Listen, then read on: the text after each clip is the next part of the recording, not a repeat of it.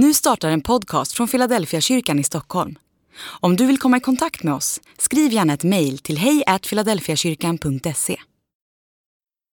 Dag 359 Jesus i öknen. Sedan fördes Jesus av anden ut i öknen för att sättas på prov av djävulen. När han hade fastat i 40 dagar och 40 nätter blev han till slut hungrig. Då kom frestaren och sa till honom, om du är Guds son, så befall de här stenarna att bli bröd. Jesus svarade, det står skrivet, människan ska inte leva bara av bröd, utan av varje ord som utgår ur Guds mun. Matteus kapitel 4, vers 1-4. Överskriften till berättelsen om när Jesus sätts på prov av djävulen i öknen är Jesus frestas. Ordet som används för att beskriva de vedermödor som Jesus utsätts för är samma ord som används i bönen Vår far om prövningar. Det finns en struktur i frestelseberättelsen som man kan lära sig något av. Tre gånger upprepar djävulen orden om du. Frestelsen vänder alltså blicken mot oss själva. Om du, om du, om du. Gång på gång ekar orden som riktar blicken mot oss. I alla frestelser är det som om vårt ego växer. Frestelsen hugger alltid där vi tycker att något fattas.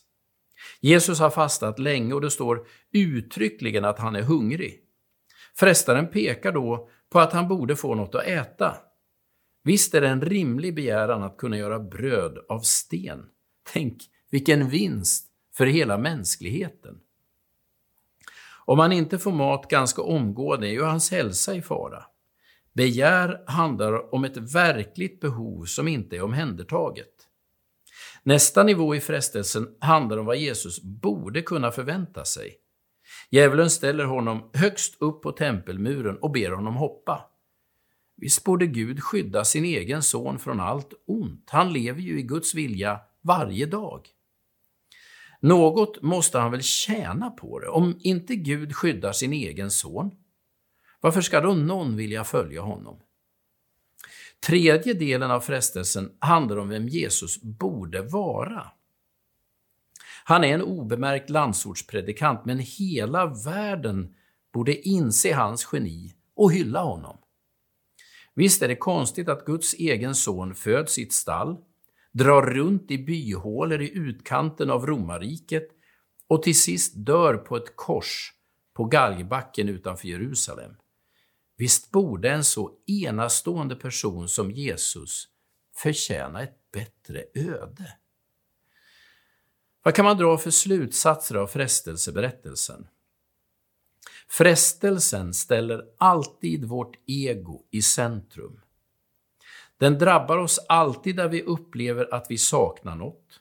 Frestelsen handlar alltid om vad vi behöver, vad vi borde kunna göra och vilka vi borde vara. Behov, förmåga och identitet. Jesus svarar frestelsen med att peka på Gud. Istället för att bli mer och mer uppfylld av sin egen brist och sitt eget jag vänder Jesus blicken till Gud. Kortfattat kan man säga att han förväntar sig att Gud ska mätta honom. Han lämnar sitt öde i Guds hand och han ger all ära till Gud. Istället för att bli allt mer uppfylld av sig själv låter han Gud fylla tomrummen.